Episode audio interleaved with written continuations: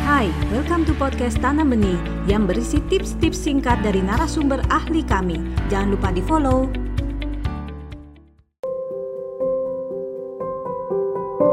Banyak juga tipe orang tua yang merasa anak itu menjadi entah pemenuhan mimpi orang tua yang tidak tercapai. Mama dulu mau jadi dokter nggak kesampaian, kamu jadi dokter ya.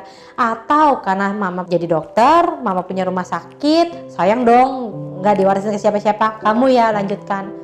Pernah nggak bapak atau ibu berpikir kalau anak bapak dan ibu ini adalah titipan Tuhan yang mereka punya hidupnya mereka sendiri? Mereka anak kalian dan tugas utama orang tua, tugas yang paling mulia dari orang tua adalah bagaimana kita membantu anak kita menemukan tujuan penciptaan dia yang sesungguhnya sehingga dia bisa memaksimalkan hidupnya dalam tujuan penciptaannya kalau misalkan dia diciptakan untuk menjadi seseorang yang berbeda, namun Bapak dan Ibu paksakan dia menjadi apa yang Bapak Ibu mau, apakah artinya kita sudah berhasil bagi orang tua yang memberikan dia kehidupan yang maksimal sesuai? Kunci katanya adalah sesuai dengan tujuan penciptaan dia.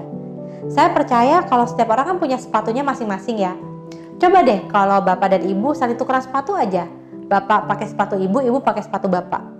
Apa rasanya? Pasti nggak nyaman kan? ada yang satu kekecilan, yang satu mungkin kegedean, pasti kan tidak nyaman.